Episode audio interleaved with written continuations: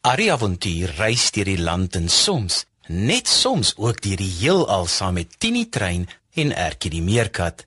Hy's bang vir niks en saam met sy maats verskaf hulle vermaak aan groot en klein. Klim op, maats, die storietrein gaan vertrek. Tini is 'n stoomtrein op sy eysterspoor. Arrie is sy passasier, hy soek avontuur. Die Bybel is hul kompas, dit hou hul op die spoor. Van alles wat met jou gebeur, kan jy by hulle hoor. Erkie is 'n maatjie, 'n meerkat van die veld. Karosie is 'n stoute aap, hy doen gewone kwaad. Erkie en Karosie en Arrie ook daarbey. Is almal net so spesiaal, so spesiaal soos jy. Kom nou maat, skyf nader, luister bietjie daar. Is dit dalk die Tini trein wat ek daar gewaar?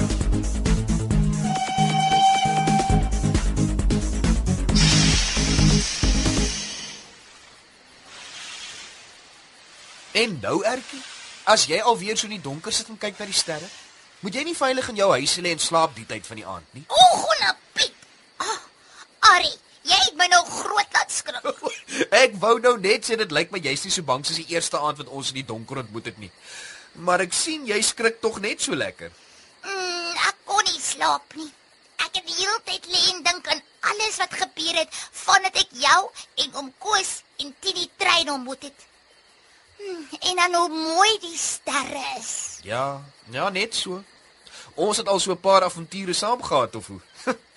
en die sterre is darem maar mooi, né? Dit laat mens klein voel wanneer mens so vir hulle kyk. Hoekom is jy hier, Ari? Hm? Jy verskyn net as ek of Karolsie die ander diere in die moeilikheid is. Is daar iewers fout? Nee, Ertjie, jy kan maar rustig wees. Niks is fout nie. 'n Tini het jou op sy radar opgetel en ek was in elk geval 'n pad hierdeur. Och, ek is bly. Maar ek is ook vreeslik bly jy is hier. O, ek het so baie vrae. Ja nee, so het ek agtergekom, maar dis goed so. Dit is hoe 'n mens van dinge leer. Die- Deur baie vrae te vra. Jy is so slim en dapper. Ek wens ek het so baie dinge soos jy geweet. Ek wens ek kon ook 'n avonturier wees. Ag, dankie Ertjie. Maar dit wat ek weet het ek van oom Koos en Tini trein en 'n klomp mense dwars oor die aarde geleer. Jy weet ek het baie baie boeke gelees en uh, veral my belangrikste boek, my Bybel. Daai een het my die meeste geleer. Ari? Kan ek? Kan ek? Hæ? Kan ek? Kan ek ook 'n avonturier word soos jy? Aarde Ertjie, bedaar, bedaar. Kom ons hoor watter vrae jy hierdie keer het. Ek sal jou met liefde leer. Ek beloof, maar een vraag op slag. Ag, okay. Ek het gewonder. Ja, Ertjie. Mm, daar is regtig verskriklik baie sterre. Ja. En daar is baie, baie meer katte. Ja.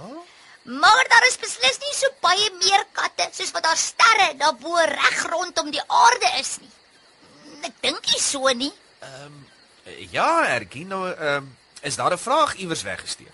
Ja, jy het gesê dat God vir Abraham beloof het dat sy nageslag so baie sal wees soos die sterre in die hemel. Ja, En die wat ons kan sien is klaar ontelbaar. net so.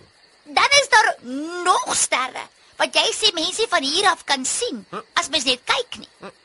So, hoe is dit moontlik, hè? Abraham het nie eens kinders gehad nie. Lot het. Het God vir Abraham gejok?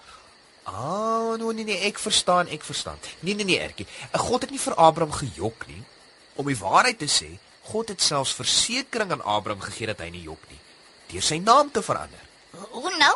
Wat, wat was sy naam aan eers? Wel, eintlik het God Abraham en Sara se name verander. Abraham was eers Abram en Sara was eers Sarai. O, Ja, nou Abraham en Sara is die nuwe name wat God hulle gegee het. Nou Abraham beteken vader van vele volke. En Sara beteken prinses. dis baie mooi sjoe. Ek dink nie my naam beteken iets regtig nie. Ek dink dis iets wat hy ma eendag geëet het op 'n plaas waar sy eers gebly het as 'n troeteldier. Sy het gesê dit was klein en rond en groen en soet en sy was baie lief daarvoor. Maar ek is nie een van daai dinge nie. Wel, miskien is dit dan partykeer bietjie soet. En rond van alle eet. Nee, jy's nie rond of groen nie, maar jy is klein en jy's dan die meeste van die tyd heel soet.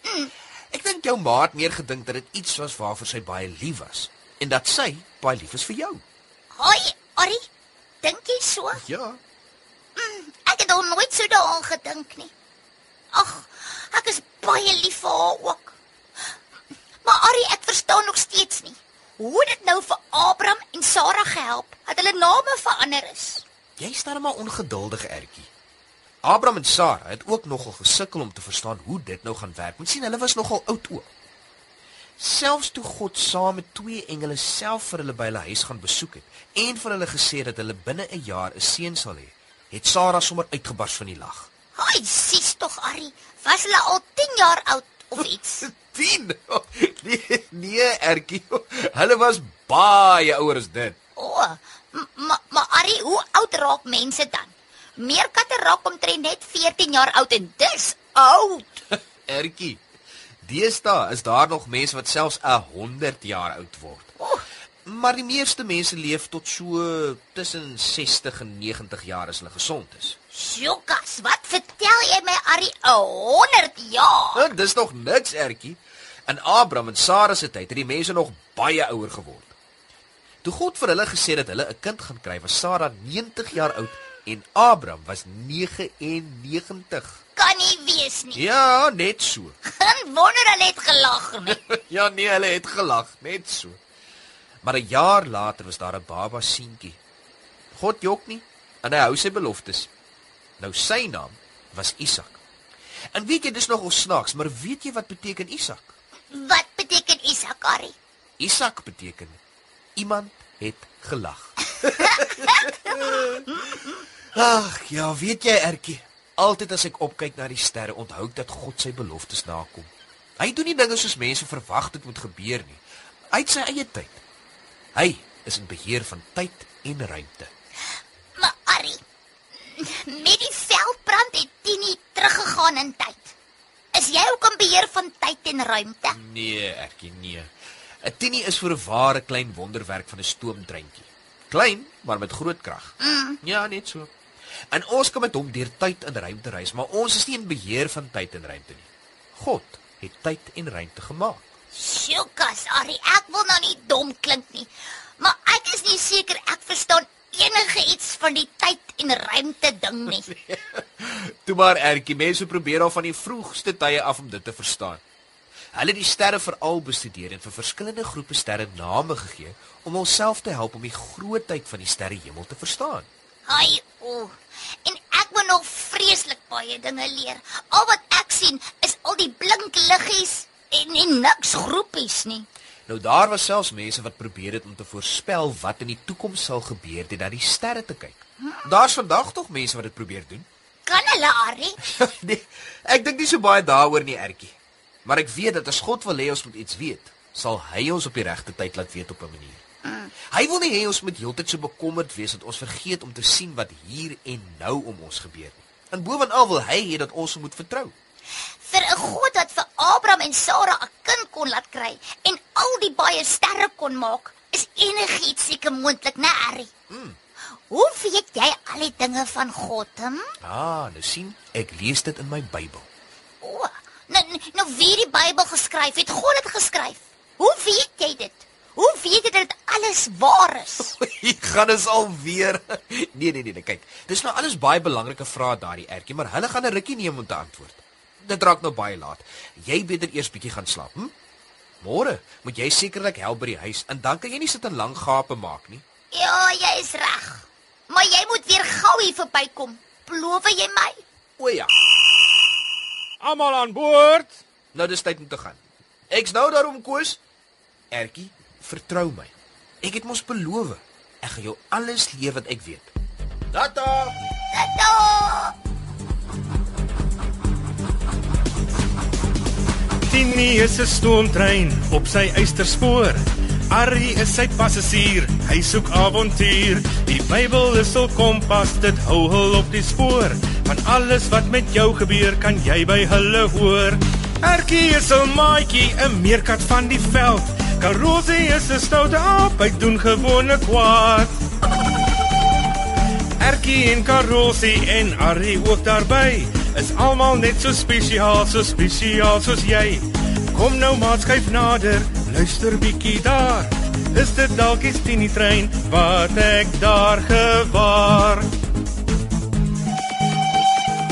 Die avonture van en Erkie is geskryf deur Elsie Stander.